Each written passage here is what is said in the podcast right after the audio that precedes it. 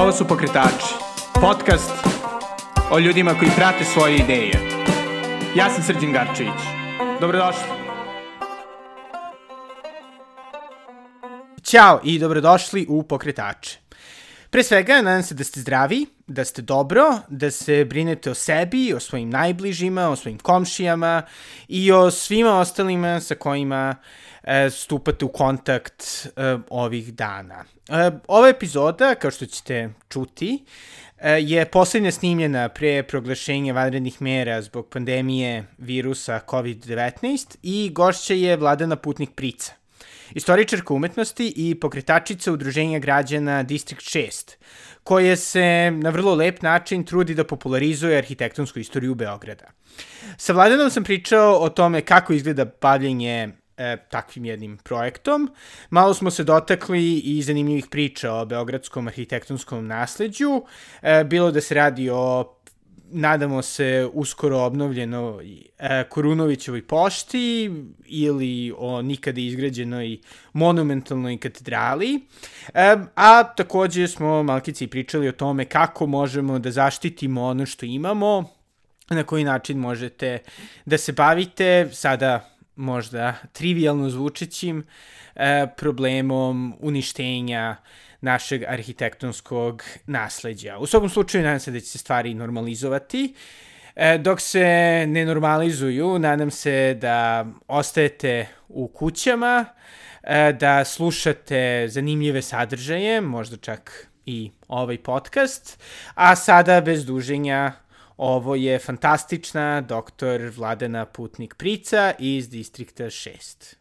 Vladana, kako si odlučila da, da se baš fokusiraš na istoriju arhitekture, to jest istoriju umetnosti arhitekture? Da, pa mene je umetnost od uvek zanimala, od kad sam bila devojčica sam voljela da crtam i moji roditelji su to nekako prepoznali i podržavali. I oni su inače bili naklonjeni ka umetnosti i ovaj, kupovali slike, eto, uslovno rečeno da kažem da su se bavili kolekcionarstvom, ali ništa previše ozbiljno. Tako da sam od malih nogu bila okružena um, umetnošću i htela sam u stvari da idem da upišem Akademiju likovnih umetnosti. Onda sam razmišljala o tome možda ipak uh, primenjenu umetnost, ilustraciju, da bih onda shvatila u stvari da me ne bi ispunjavalo da se samo ja bavim umetnošću. Prosto imam previše stvari koje me interesuju, više bih nešto istraživala nego što bih se samo bavila praksom. I onda sam nekako sabrala šta je nešto što sumira sva moja interesovanja, pa to bi bila istorija umetnosti i zaista se nisam pokajala. Mada su mnogi govorili, jao, šta ćeš sa tim, da radiš, da li si normalno da upisuješ istoriju umetnosti. Uh, srećom roditelji su me podržali i eto, nisam se pokajala ni u jednom trenutku, to moram da priznam.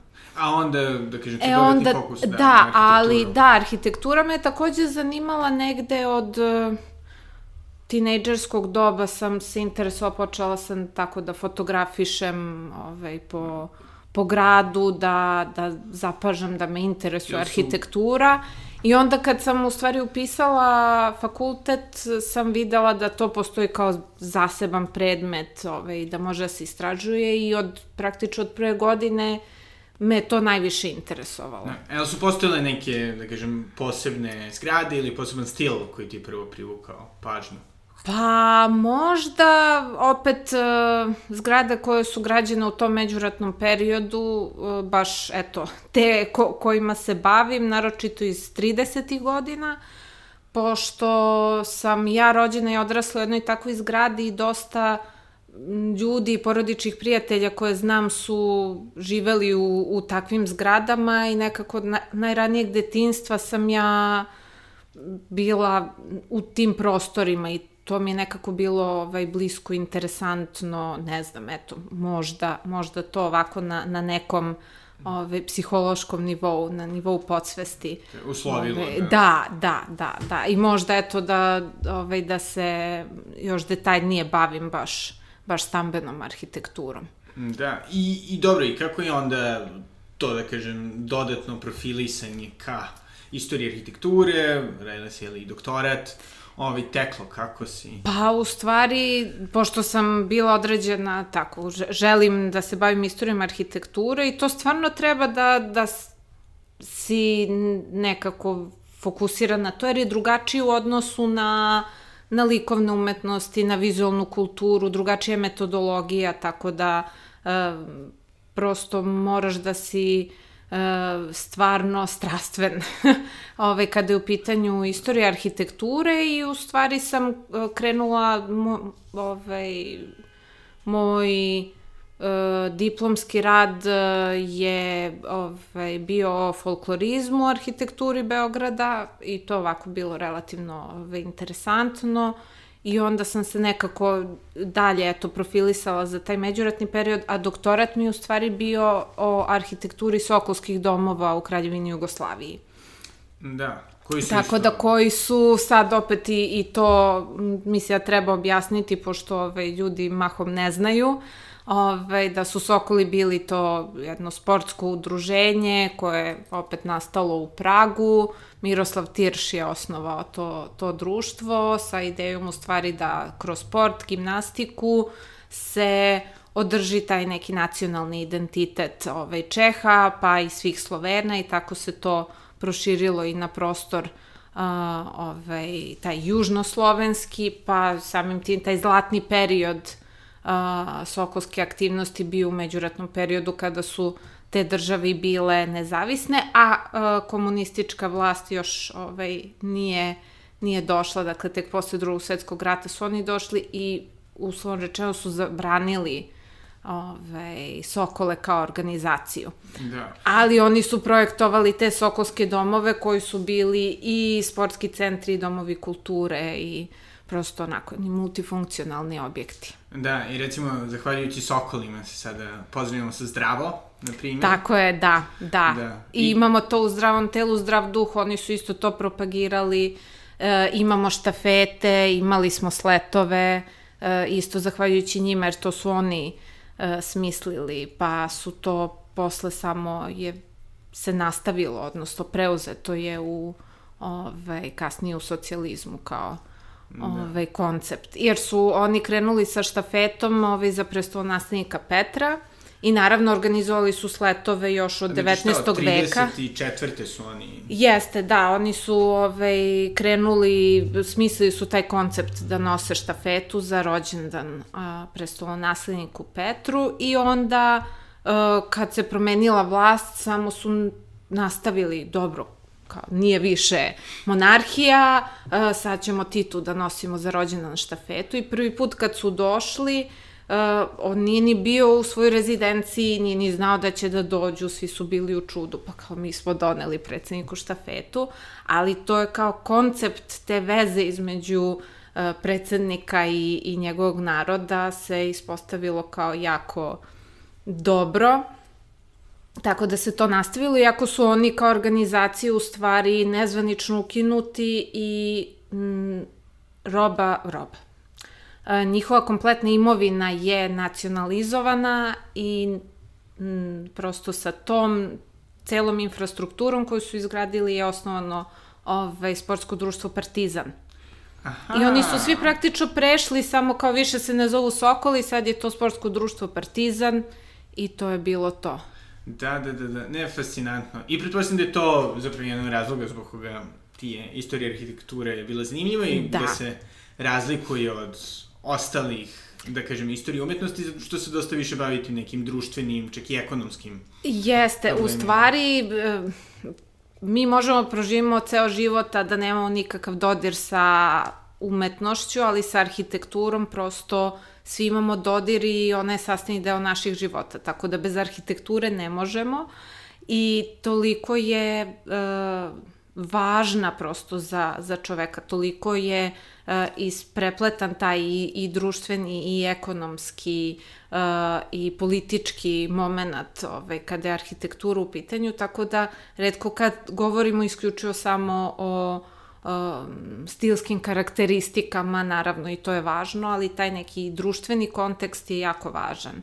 kada se, kada se izučava arhitektura, kada se istražuje. Da, jel te u startu interesuje taj društveni koncept ili si više došla iz tog nekog estetskog Pa, m, čini mi se da, da me vrlo brzo na, na studijama to zainteresovalo, a nekako mi je bilo logično da prosto ne, ne možeš da razumeš istoriju jedne zgrade, a da ne uzmeš u, u obzir i taj neki ove, i, i istorijski kontekst i politički. To mi je uvek bilo interesantno, zaista. Tako da mislim da, da opet i sam način na koji su ove studije istorije umetnosti e, osmišljene jeste da se ne izučava samo, eto tako, kao umetničko delo, pa sad mi ga opisujemo, nego se u, uzimaju u obzir tako ti različiti faktori koji su uticali na razvoj umetnosti, tako da to je ono što je meni posebno interesantno. Da, je li postojala jedna stvar koja ti je baš, ono, ili tokom osnovnih studije ili kasnije, me baš nekako oduševila iznenadila tom proučavanju? U, to je, to je teško pitanje. to je baš teško pitanje.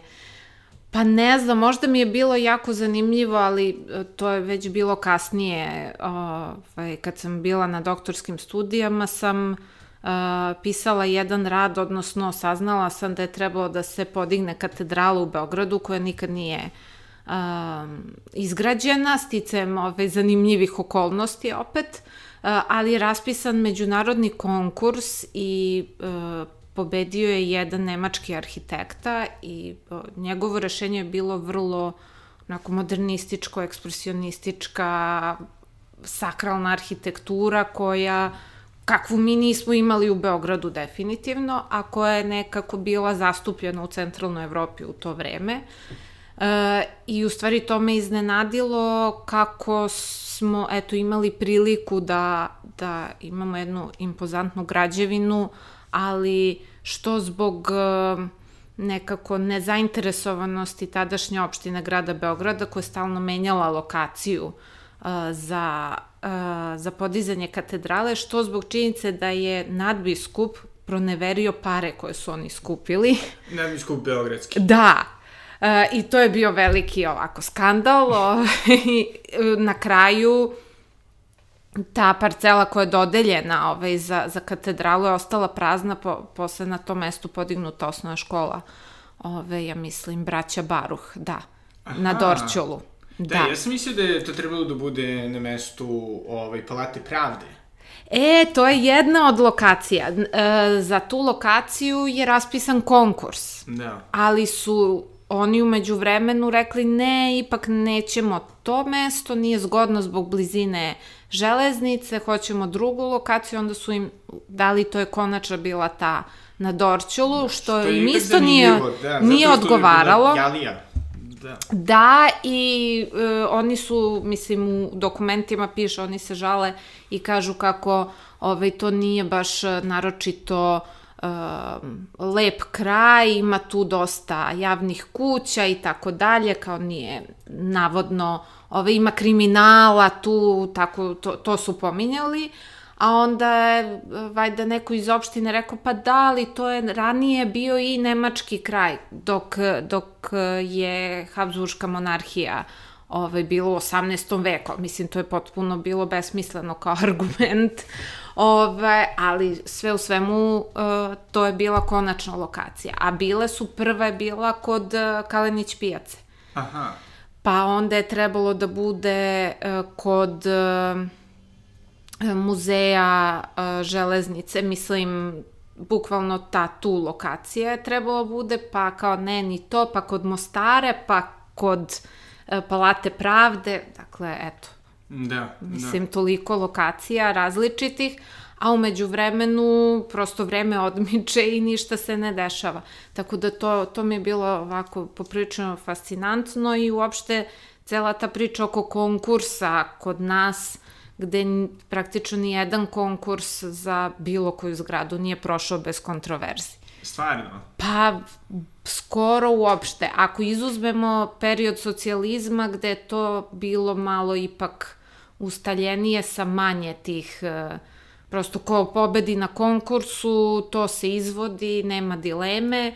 U međuratnom periodu i naravno sad, I čak i pre Prvog svetskog rata ovaj, uvek su bile te, te neke, kao neko pobedi, ali onda odaberu nekog drugog, a onda ne znam šta se desi i ovaj, tako to je ovako poprilično interesantno. Da, i mislim, baš me interesuje ovaj, pošto mi se čini da nekako u Beogradu, a i ovaj, šire u Srbiji, nekako mi baš i nemamo tu toliku kulturu sećenja i razmišljenja pogotovo ovaj, u arhitekturi, delimično zbog tih raznih diskontinuiteta u našoj istoriji, ovaj, koliko uopšte postoji, da kažem, lako, uh, ovaj, lako dostupnih izvora kojim, kroz koje može da se ide i da se čita i istražuje? Pa, meni se sad to čini da je sve lako dostupno, pošto znam gde treba da tražim i kako da tražim. Ali sad kad bi neko želeo da istražuje, uh, opet ima dosta literature, dosta toga je objavljeno. Mislim, to, to zaista moram da istaknem, tako da ovaj, uvek može nešto da se pročita na, na tu temu. Takođe postoji i ovi alternativni načini, odnosno kroz a, neke sajtove, društvene mreže, strane, Facebook stranice, Instagram stranice, isto ovaj, ljudi mogu da se informišu. Takođe, recimo, mi smo radili uh, dosta šetnji za, uh, za građane. Uh, mislim, sad već ja nemam toliko vremena da se bavim time, ali sam, sam ranije ovaj, do, dosta vodila tih šetnji u okviru Beogradske internacionalne nedelje arhitekture. I tu prosto ljudi imaju priliku da uh, ih stručnjaci iz ovaj, oblasti istorije arhitekture, umetnosti, vode kroz grad, uh, pričaju im o nekoj određenoj temi, da li su to žene arhitekte, da li su to štamparije, vo, vojni objekti. Mislim, bilo je raznih tema, ove, potpuno besplatno ove, mogu da dobiju informacije i, i eto, da saznaju nešto više o svom gradu. Da, i što nas dovodi, jeli, do Distrikta 6? Da. Ove, kako je, kako je nastao Distrikt 6? Distrikt 6 je nastao kao uh, jedna organizacija kolega koji se bave istorijom arhitekture. Uh, mi smo se prvo uh, organizovali sa jednom izložbom 2010. koja se zvala Skriveni ćoškovi Beograda. Tada je bila u um, prostorijama a, turističke organizacije Beograda ispod Beo izloga, dakle sad je tu prostor a, kulturnog centra Beograda, ali tu je bila izložba i svako od nas, bilo nas je desetak, a, smo fotografisali tako ne, neke, neke skrivene ćoškove Beograda sa idejom eto da opet približimo uh, arhitekturu ovog grada ovaj, toj publici, odnosno e, građanstvu i onda smo hteli i zvanično dakle, da, da osnujemo jednu organizaciju koja bi imala dakle, za cilj e, promovisanje e, arhitekture, ne samo Beograda, već i šire. E, tako da ideja je bila, dosta smo dugo razmišljali kako ćemo da se zovemo i na kraju je, jedva smo došli do, ove, do zaključka da, da bude Distrikt 6, jer nas je bilo šestoro u tom trenutku osnivača i imali smo nekih šest tačaka koje su nam bile fokus, dakle, na toj osnivačkoj skupštini. Dakle, šta da bude, ne znam, sad više ne mogu ni da se setim ko, koje su sve ovaj, bile tačke, ali u svakom slučaju ove, bilo vezano i za istraživanje i za promociju ove, arhitekture, tako da to, to je bila neka ideja. Distrikt kao, kao gradski kvart je opet ove, bila ta, ta neka veza. Eto, to da. je to je otprilike to i onda smo uh, kroz različite aktivnosti ovi, pokušavali uh, da, da se bavimo uh, prosto tim tim tačkama, bilo da su to bile šetnje, dakle u okviru bine, ovaj, tu smo bili poprilično aktivni, bilo da su bile izložbe, uh, imali smo posle još dve izložbe, o hotelima u Beogradu povodom 150 godina od prvog hotela koji je podignut u Beogradu, Što prvog namenskog. Što je bio ovaj, staro zdanje ili kod Jelena, uh, nalazi, nalazio se uh, malo iznad uh, Saborne crkve, na mestu gde je danas jedna stambena zgrada iz 50. godina. Uh, I to je bio jedan od najvećih objekata u Beogradu, mislim, najveći tada podignut. Čak je, ja mislim, po kvadraturi bio veći od kapetan Mišinog zdanja. I tu je prosto, mislim, osim što je bio hotel, bila i kafana i zaista je ovaj, neke čak i kancelarije, uh, bi, bio je vrlo važan objekat za, za istoriju grada. Nažalost, srušen je to 50. godina da bi se podigla stambena zgrada. Aha, je li to odmah pored e, Narodne banke? E, ispod, Da. ispod, da, da. Ona ogromna. Ove, da, da, zgrada, da, da, da. I sad ta stambena zgrada je, je fantastična, projektovo Milorad Macura, ne, nemam ništa protiv zgrade, ali opet činjenica da je jedno jako važno zdanje uh, ovaj, nestalo zbog stambene zgrade koja je mogla bude podignuta bilo gde drugde. Ove, to je negde taj negativan moment u, u našoj istoriji da imamo tu tendenciju da rušimo a, Da. ove, to Da. što bi bilo graditeljsko nasleđe naše, eto. Ali da se vratimo Da. ovaj, e, da kažem, čuvanju i promovisanju onoga što se, što se spaslo ili što se spasti Da. može. Ovi, znači, imali ste i izložbe, znači to hotelima. Da, o hotelima, ovaj, to je bilo u uh, kući legata uh, i posle toga, recimo možda godinu dana ovaj, kasnije, 2014. smo imali izložbu o srpsko-češkim vezama u arhitekturi Beograda, uh, pa eto, počevši od kapetan Mišinog zdanja koje, koje je projektovao jedan češki arhitekta Jan Nevole, Pa ja mislim da smo za, zaključili dakle sa, sa drugim svetskim ratom, pošto je to bio period kada je najviše čeških arhitekata dolazilo u Srbiju i u Jugoslaviju i zaista su ostavili uh, jedan ovaj, važan pečat ovaj, u uopšte identitetu grada.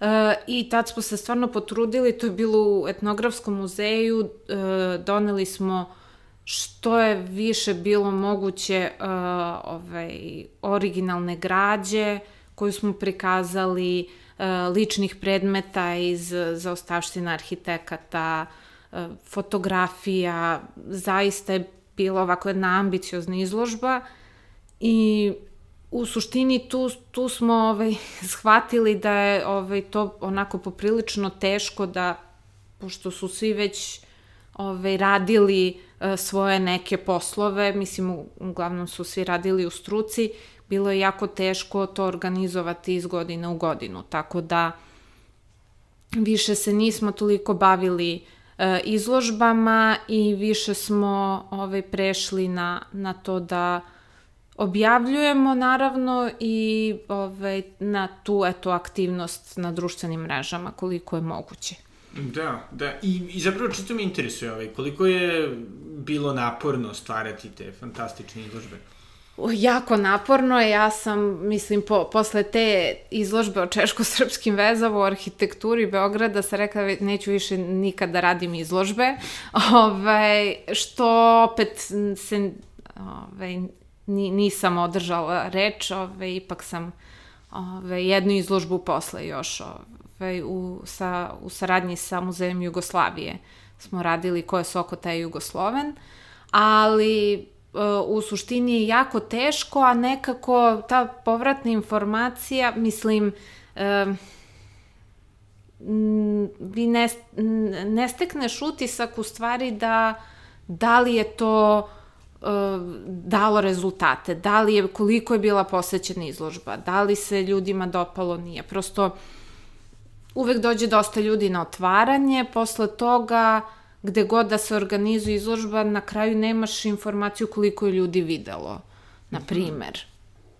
Jer ne, tu bi sad trebalo neko da, da je non stop tu i da, da lupa recke, a nikad nije baš ove, uvek u svakom trenutku neko tu da, da to ove, da, da to beleži. Mislim, jesu one bile uspešne, dolazile su i grupe ljudi, vodili smo mi kroz izložbe, sigurno je da su, da su bile važne. Ali ne znam, ove, ja sam dosta pogubila živaca oko, da. oko organizovanja izložbi, tako da ne znam, ne, treba raditi, ali ne, ne toliko često. Evo, uh, dvojica kolega ove, su, do duše ja sam tu pomagala, ali samo, samo posebno no iz, iz našeg udruženja, ove, su radili na izložbi uh, uh, samo da se setim tačno kako se zove, uh, Srpska crkva, Ruska ruka, odnosno uh, njihovo istraživanje je bilo vezano za uh, u stvari sve naručbine koje su ruski arhitekti uh, emigranti koji su ove, ovde uh, došli posle oktobarske revolucije radili za Srpsku pravoslavnu crkvu. I to je onako bilo jedno uh, poprilično dugoročno istraživanje koje je rezultiralo izložbom u Ruskom domu. I... Koji sada valjda traje. Da, da, da, da. I traje do, jel znaš? Traje, ja mislim do recimo da od 15. marta otprilike. Ja mislim do da. kraja nedelje da traje definitivno. Uh, I ovaj, kao prateći deo izložbe ovaj, su, su objavili monografiju. Uh, tako da nije običan katalog, već baš prava knjiga. Da. Eto. Da, a isto tako pretpostavljamo ovaj, da ono što je dosta naporno, to je zapravo skupljanje građe. Recimo baš kada sam malo kad istraživao onu izložbu o brutalizmu Jugoslaviji koja je bila u Momi. Prošle godine, jedan od stvari koje su svi manje još govorili, to je da dosta toga, na primjer, makete i to je u suštini uglavnom uništeno, dosta, čak i, mislim, dosta skoriji materijali su često bili bacani od strane tih bivših građevinskih kompanija.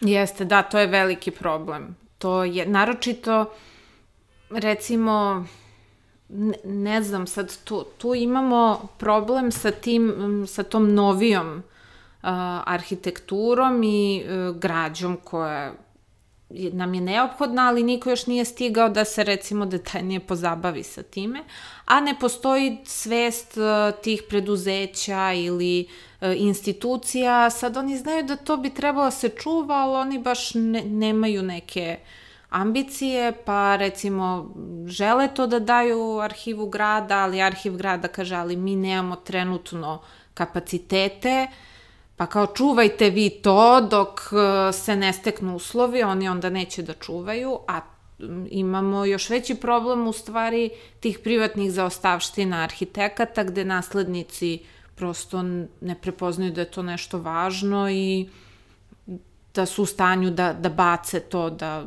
ovaj, mislim, ne svi naravno, ali ima i tih slučajeva, tako da uh, ćemo doći u situaciju, mislim, kao i za, pe, za neke ranije periode, da prosto nemamo nikakve podatke ove o nekom arhitekti koji bi nam bili od, od presudnog značaja.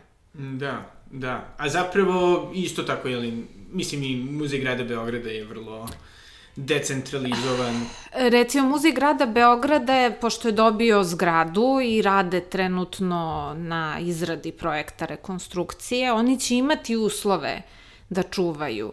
E, tako da, recimo, oni su napravili ugovor sa fondacijom Milan Zloković, ovaj, jedan naš čuveni arhitekta, ovaj, njegovi naslednici opet prepoznaju značaj uh, ovaj, Milana Zlokovića i uh, želeli su da uh, tu njegovu zostavštinu adekvatno i prezentuju uh, narodu i konzerviraju, uh, sortiraju da to prosto bude pregledno i dostupno i istraživačima i ovako ovaj, na uvid, da bude javno, da se digitalizuje i uh, oni rade taj projekat sa Muzejom grada Beograda.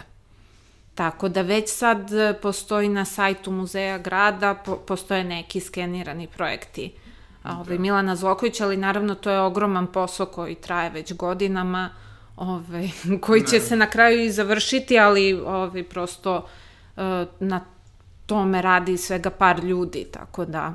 Da, da. Ali isto tako mislim da je jedan od problema te decentralizovanosti Muzeja grada Beograda ili u krajem slučaju relativno malo prostora Muzeja primenjene umetnosti, to je zato što ne postoji neko određeno mesto gde bi ljudi koji su zainteresovani za istoriju arhitekture i takve teme znali da se uvek tu održavaju takve izložbe već mislim da, tačno, da. da, da.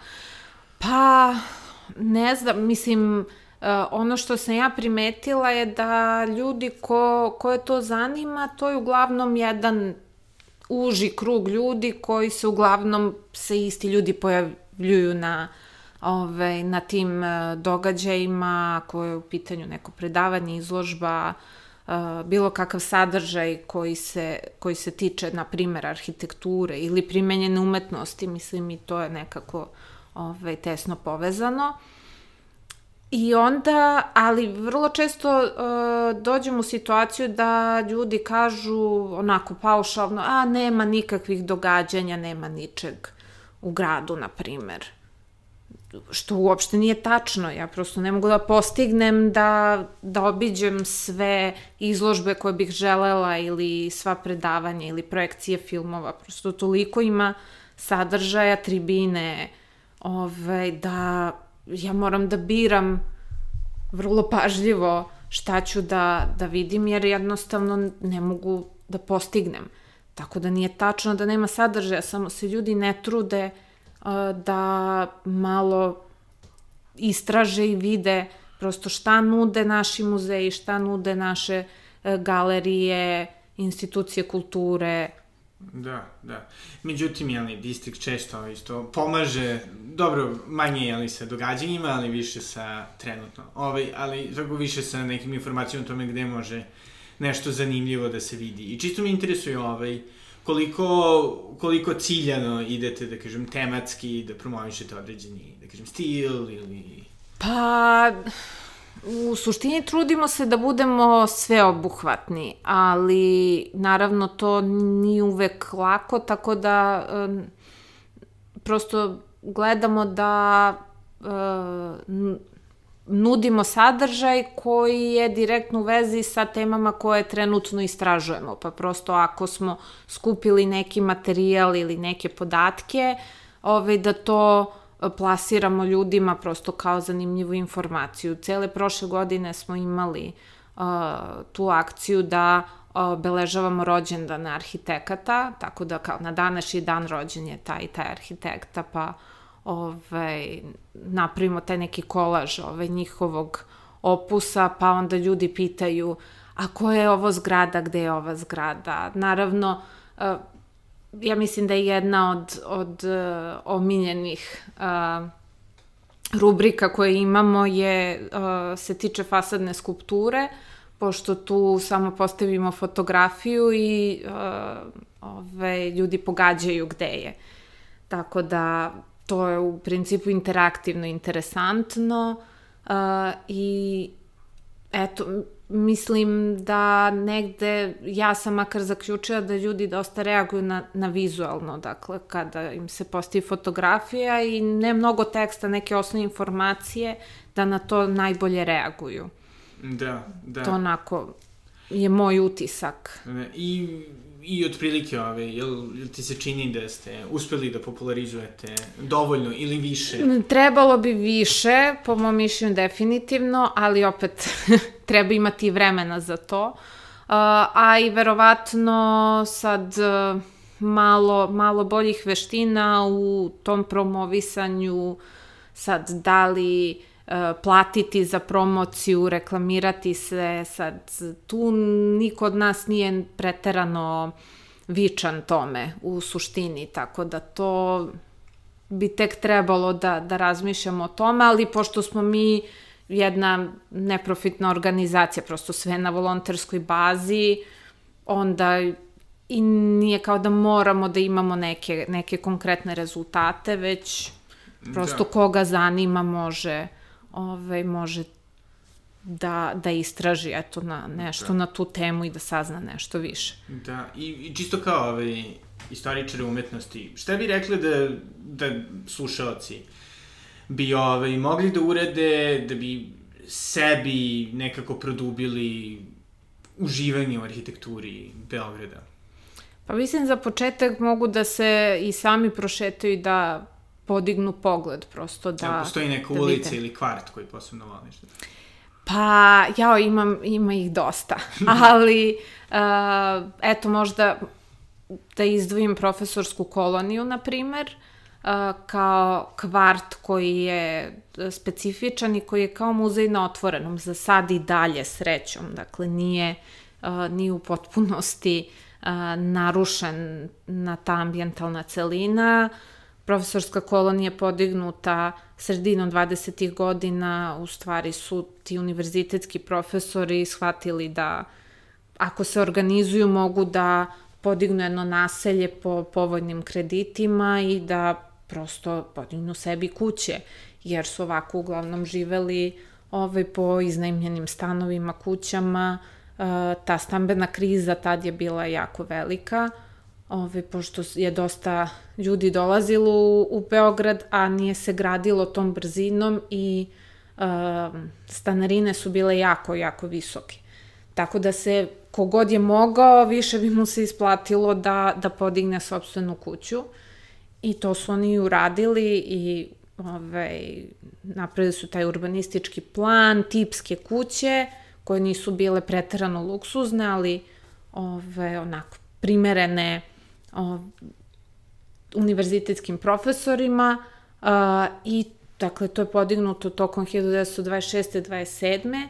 naselje koje u stvari danas a, mi kad, kad šetamo kroz, kroz tu profesorsku koloniju može tačno da se vidi na tabli a, koji profesor je gde živao, to su sve bile u stvari ta jedna intelektualna elita uh, Beograda i zapravo čitave kraljevine na neki način, ljudi koji su zaista zadužili ove, različite oblasti, ove, različite naučne discipline, tako da od, ne znam, od Milutina Milankovića pa do nekih drugih uh, profesora koji su ove, osnivali nove katedre i bavili se ove, prosto nekim novim ove, oblastima, svi su tu živeli. Da, tu je bio valjda i atelje Tome Rosandića. A, Ili kuća, u Nije, mislim, tu su, a, konkretno, a, tu je spomen kuća ovaj, Nadeždi Raska Petrovića koja je zatvorena. A, Toma Rosandić je bio na Senjaku. Da. Konkretno, Aha, okay. ali ali bio je Petar Palavinčini konkretno. Da, da. Ove, da, i nije on bio jedini, bilo je još, još par njih da su, ove, da su tu podigli uh, svoje atelje i kuće, što je opet interesantno, oni su u toj drugoj fazi, uh, ove, kada, to je već početkom 30. godina, ove, su se nastanili tu uz profesore, tako da Da, fantastične zapravo, modernističke Jeste, jeste, da, da, da, to je, to je iz druge faze. Ova prva faza to je više bilo onako neka klasična porodična kuća sa četvorovodnim krovom, bez previše ukrasa, ali mislim, to je stilski bilo dosta ujednačeno i mislim i dalje uh, ima taj poprilično imate pozitivan utisak ka, kad, kad se čovjek šeta ovaj, kroz taj ambijent, jer eh, je zaista jako prijatno sa tom idejom da je to kao neki vrtni grad, da ovaj, ima puno zelenila i da je veoma prijatno za, za bavljenje naukom, eto. Da, da. I mislim, i to je bio jedan od serije takvih sličnih nasilja, jedno je i Neymar koji je nažalost sve više i više. Da, Neymar je poprilično ugrožen, za razliku od profesorske kolonije koja se drži. Uh, Neymar je u stvari prvo naselje koje je tako isparcelisano i napravljeno uh, sa tom idejom da se tu uh, zidaju porodične kuće uh, i to je velika šteta zato što um, konkretno na Neymaru prvo što ima fantastičnih primjera arhitekture i baš pokazuje koliko je uh, šarenolika bila arhitektura u tom periodu, 20. i 30. godina. I isto tako puno je arhitekata tu podiglo svoje kuće. Dosta njih je živelo baš, baš tu. Mislim, ne samo arhitekata i ovaj, e, drugih i umetnika i uopšte intelektualaca ali sad konkretno se, da, podiže se dosta više spratnica koje nisu u skladu uopšte sa tim ambijentom, sa tim urbanizmom. Sad, to, to je ogroman problem u Beogradu inače. Da, i ovaj, ili postoje neki načini da se te stvari zaštite? Uh, pa, da, Gradski zavod uh, radi šta je u njihovoj moći, koliko mogu, ali u suštini oni nemaju previše um, previše autoriteta, odnosno zakon je takav da uh, zavod daje preporuke da se nešto štiti, a onda vlada odlučuje da li će se nešto štititi ili ne.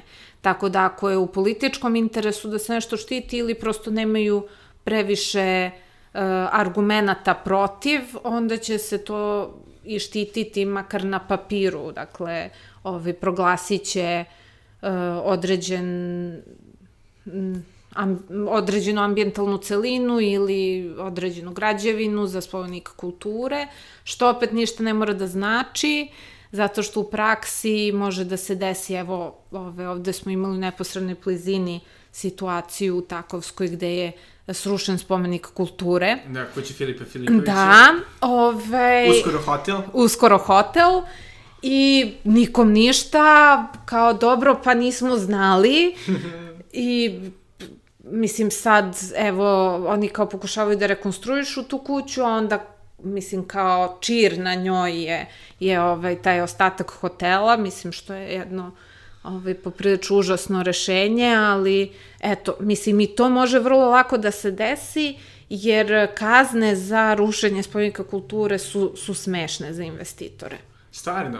Pa, koliko ja znam, Znači, njima može da se isplati. Znači, evo, ovaj, ukoliko investitori da. znate da možete da rušite. Pa isto se desilo na Andrićevom vencu sa ove, jednom e, stambenom zgradom koju su srušili, bila je spomenik kulture i onda su rekli dobro, kao podići ćemo novu koja je kao aproksimira. Da, ali to je, mislim, ispalo poprilično užasno. Zapravo što je najgore nije ni završeno. Što je najgore nije ni završeno, da. Da. A delo je kao spomenik, e, kao nadgrobni spomenik za, za ovu staru zgradu. Prosto tako u granitu i potpuno da, nekako čudno. Mračno, da. Da, da, da. Da, a, ovaj, a jel su uopšte postojale, mislim, neke vrste, da kažem, ovaj, javnih protesta ili nečeg sličnog kada su se stvari rušile? Uh, pa mi smo, da, uh, mi smo se, se trudili da, uh, ali opet te inicijative su više kroz uh, apele da, da se piše, da se prosto angažujemo u tom nekom pravnom smislu. Uh, poslednje ovako što na kraju je, je ispalo dobro, uh, je bio protest podom ovaj, rušenja jedne vile uh, ovaj, u, u Topolskoj ulici, na uglu Topolske i Petrogradske ulice, koja je jedna eto, od, od najranijih modernističkih uh, vila, uh, koju je projektovao jedan arhitekta koji uopšte nije toliko poznat, ovaj, Milan Šlang, koji prosto nema ni, ni previše projekata ovako da, da je izveo, tako da to je jedan od, od redkih koje on projektovao i koje u stvari e, iste godine kada je iz Lokovićeva ta čuvena vila ovaj, na, na Neymaru e, projektovana, dakle one su ove, iste te 1927. godine projektovane, kuća nije bila pod zaštitom i uopšte ceo taj deo nije pod zaštitom bio i naravno da investitor može da, da je otkupi da radi sa njom šta hoće. I uh, srećom građani su se pobunili, mislim srećom. Bilo je kasno, ovaj, vila je već bila srušena, ali smo kroz peticije uh, i apele u stvari uh, inicirali, dakle građani su inicirali zaštitu tog krunskog venca koji je sad zaštićen kao ambijentalna celina. Tako da, da um, može to i da, da ima prosto i ne, neki srećan kraj u smislu uh, da ako su građani uh, ako građani imaju tu inicijativu i želju da se nešto zaštiti, uh, obično onda i političari nekako to prepoznaju pa popuste da. i, i ove, izađu u susret. Da, doduše idealno pre nego što krenu već da... da Naravno, se... da, da, da, ali makar, makar se, se neće desiti sad da se dalje a, druge kuće tu ove, ruše, mislim što je svakako ove, poprilično opet pozitivna stvar. Naravno, da. Dosta toga je zaštićeno u Beogradu kao ambijentalna celina, još, bi, još će više toga biti, ja se nadam. Trebalo bi centralna zona Novog Beograda da bude zaštićena, a, takođe cela Krunska ulica, ovaj, e, bulevar Kralja Aleksandra do, um, pa ja mislim da je do opštine Zvezdara otprilike ovaj, zaštićen. A, takođe cela, celo to istorijsko jezgro Beograda ove, je takođe zaštićeno. E, sam pomenula Krunsku ulicu. Jesam. Da, da. Tu je skoro Tako isto da, bila jedna zgrada koja je bila rušena. To je trebala jest, da gradnja, da. Jeste, da, i to je stopirano i sad ne znam šta će biti.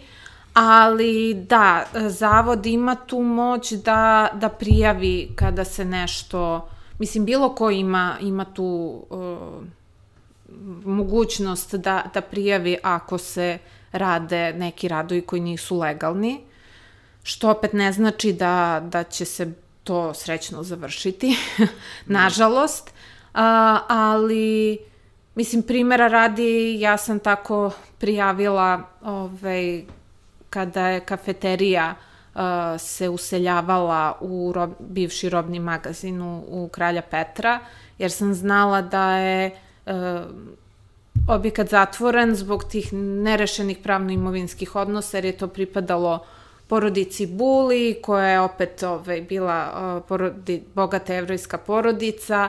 Da li to sad pripada jevrojskoj opštini ili kome pripada, to je bilo pitanje. Uh, te restitucije i u svemu tome odjednom se kafeterija tu useljava. Uh, bez uh, bilo kakvog dogovora sa zavodom, pošto objekat pod zaštitom, bilo šta da rade, bilo kakve intervencije u interijeru, treba da traže dozvolu od zavoda i u saradnji sa njima da urade projekat. Naravno da to nisu uradili. Naravno da, da je zavod to prijavio i naravno da se ništa nije desilo. Mislim, da. ali sad zalazimo u neke baš teške političke teške, teme. da, da, da, da. Dobro, nećemo, nećemo. Ali isto, čito mi interesuje kao ovaj, istoričar umetnosti, koliko koliko zapravo ti podržavaš te neke pokušaje oživljavanja starih stilova i rekonstrukcije tih starih fasada? Recimo sad je priča o Kurunovićevoj pošti. Da, to je odlično pitanje. Pa to je dosta diskutabilno. Kada je u pitanju recimo Korunovićeva pošta e, i da li je rekonstruisati ili ne, ja s jedne strane nemam ništa protiv, ako će to da se uradi kako treba. Dakle, prosto ona se vraća u prvobitno stanje, imamo uh, projekt, imamo svu dokumentaciju, dakle ne bi trebalo bude problem da se to rekonstruiše. Ono što mene brine jeste kvalitet izvođačkih radova. Jer uh, to može da, da ispadne odlično, ali ja nisam sigurna da li će to tako i biti. I to ne mora nužno ni da zavisi od kolega iz zavoda, nego možda zavisi od tih tendera, ko će, ko će dobiti da radi posao, kako će oni uraditi taj posao. Eto, ja sam zbog toga skeptična u suštini.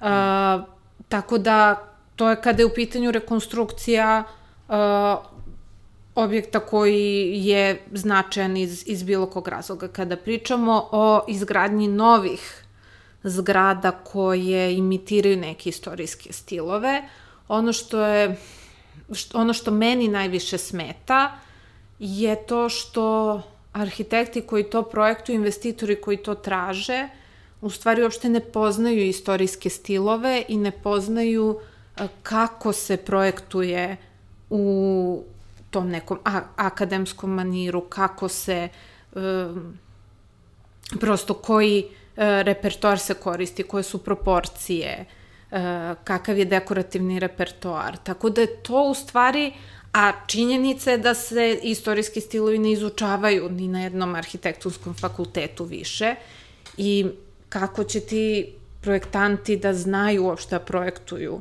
na taj način kada uopšte nisu, to, nisu se sa tim susreli do tog trenutka. I to se vidi. I to je osnovni problem, po mom mišljenju. Da, to je zato što zapravo ne postoji znanje kako ne bi se postoji to znanje, da. oni se nisu time bavili i prosto to je ne, neko ovako, neki priučeni projekti gde se vidi da su proporcije uopšte nisu na mestu, mislim što je ovako inače problematično, a u stvari tačno pokazuje taj pritisak investitora na arhitektu da treba da se uglavi što više kvadrata, da to bude što ekonomičnije, da zarada bude što veća i u stvari same proporcije fasade trpe, mislim, čitava kompozicija da. fasade je ove, onda prosto Da, kao što Ove. sada da na uglu Dobračine i Simine, mislim, ili... A, znam, e, to, da, to je bio jedan od prvih slučajeva da je, dakle, kuća koja je bila spomenik kulture je stradala u požaru, odnosno ona je bila napuštena i tako to je stajalo i u stvari je vlasnik čekao da ona propadne ili možda se nešto desilo sa tim požarom, da je onda dobio priliku da je obnovi, ali i da pro, dogradi. da dogradi. I to rešenje je katastrofalno, po da, mom mišljenju. Da, tako da sad imamo Batmanovu, ovaj, Batmanov ulaz. Da, da, da, da. Tako da to je, to je ovako jedan baš, baš loš primer. Ove, ovaj, ka, kako ne treba rekonstruisati, da. Da, da. A dobro, sada, ovaj, z, kako se približujemo kraju, ovaj, šta misliš da od trenutno izgrađenih stvari u Beogradu ili u Srbiji će izdržati ovaj, test vremena i biti, biti izučavano kasnije? A, to je isto odlično pitanje. A, mi, inače, na, na istoriji umetnosti generalno postoji to pravilo da nekako je potrebno nekih 30 godina da, da se pokaže da li je uh, neka građevina izdržala ovaj, test vremena. Uh, neki put to nije baš sad neophodno da, da prođe ovaj, 30 godina da bismo to ustanovili, ali nekako vrlo često i objekti koji se stavljaju pod zaštitu, redko kad su mlađi ovaj, od, od tog doba. Što se tiče neke savremene arhitekture, ja lično mislim da sve što uh, radi uh, projektantski biro Remorker je jako kvalitetno, njih bih ovako pohvalila i rekonstrukcije koje su radili, a dosta su se specializovali ove, za rekonstruisanje postojećih objekata, ali na, na jedan veoma, veoma kreativan način. Takođe, svi interijeri koji rade, e, radi biro autori, takođe mislim da će, mislim, a da opet interijeri su ispadaju poprilično efemerni jer se najčešće menjaju, pa redko kad neki interijer ostane duže od 10 ili 20 godina. Ove... Ne, ili čak oni koji su bili vredni, kao, na primjer, u ove, grafičkom kolektivu. Tako da, nestane, da, da, da, da, da, to, to je veliki problem, da, što se ne razmišlja o tome da i interijer treba apsolutno očuvati i onda ove, imamo takve situacije. Uh, što se tiče, pa opet neke arhitekture u poslednjih 20 do 30 godina, znači pošto već sad imamo to da ono što je početkom 90-ih ovaj, projektovano sad već ima 30 godina, uh, mislim da um, dela Spasoja Krunića verovatno, misli, apsolutno ovaj, su, su značajna, recimo, palata Zora koja je na, na uglu uh, knjeginje Zorke i Makenzijeve, ovaj, ona je do duše trebalo da bude u kamenu, ali investitor je hteo da, da budu ti al, alu paneli. Ove, mada i, i kao takva je, po mom mišljenju, veoma impresivna. Eto, razmišljam sad šta bi još... Ne bih pominjala Beograd na vodi, definitivno. Ove, ali, ali vidjet ćemo, eto, to, to su, to da. su ne, neka dela. Takođe, uh, i, i stvaralaštvo Gorana Vojvodića, koji opet, mislim, je i, i profesor na arhitektonskom fakultetu, ali uh, nekoliko uh, kuća i vila koje on projektovao su ovako poprilično interesantne, pa čak i ta u Krunskoj koju je projektovao preko puta jedne koja je tako neo, neoklasična, na mestu jedne, jedne porodiče kuće koja je bila ovako jako lepa i meni je jako žao što je srušena, ali recimo to je objekat koji je savremen, ali se uklapa u e, gabariti, uopšte urbanističku koncepciju uh, Krunske ulice, tako da ne, ne izlazi iz tih okvira, za razliku od te kuće preko puta koja je kao nešto neoklasicistička, a mislim da. njena spratnost i, i gabariti ovaj, se uopšte ne uklapaju ovaj, u Krunsku ulicu, ali dobro. Da, da. Hvala puno. Ili imaš nešto što bih htjela da dodaš? Pa, osim, osim toga da, eto, E, pratite Facebook stranicu District 6, možda ćemo ovaj, uskoro da, da nekako povežemo i sa Instagramom, a da ja opet imam svoj Instagram profil koji isto služi ovaj, za za promovisanje arhitekture uglavnom, dakle... Ove, koji je handle? Ovaj? Koji uh, vlada na putnik prica, vlada na tačka putnik, tačka prica. Tako, Tako da, da eto, znate, mislim... Znate šta da pratite. Da.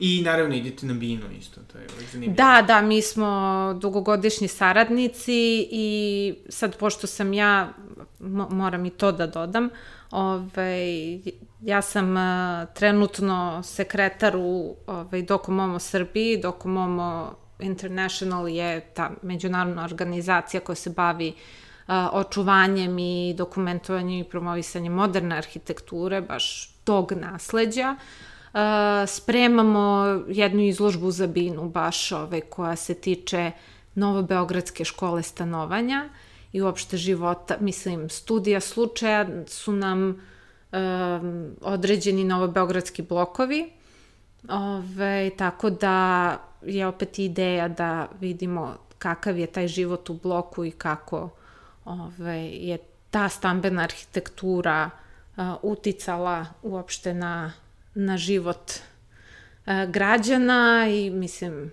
kako danas funkcioniše, koje su neki tako pozitivni ili negativni aspekti, tako da to će biti ove, jedna od izložba na Bini ove godine. Tako da da, obavezno ove, obratite pažnju. Hvala puno, Ladena. Hvala tebi.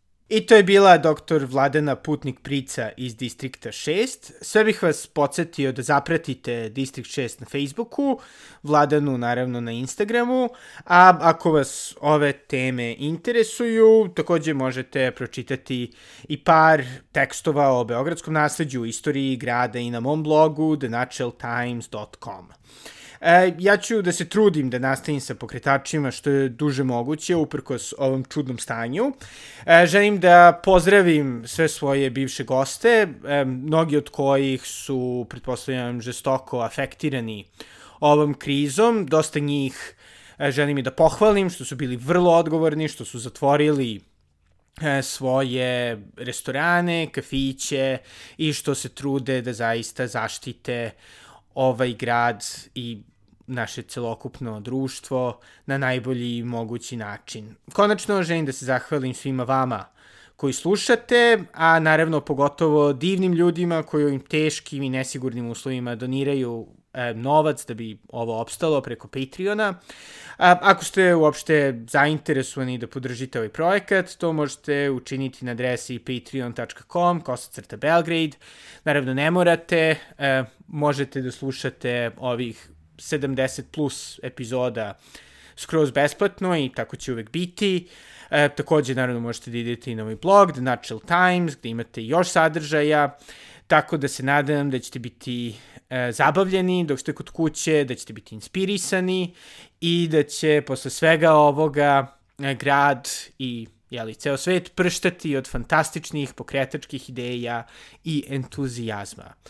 To je to od mene za ovu nedelju i do sledećeg slušanja. Doviđenja.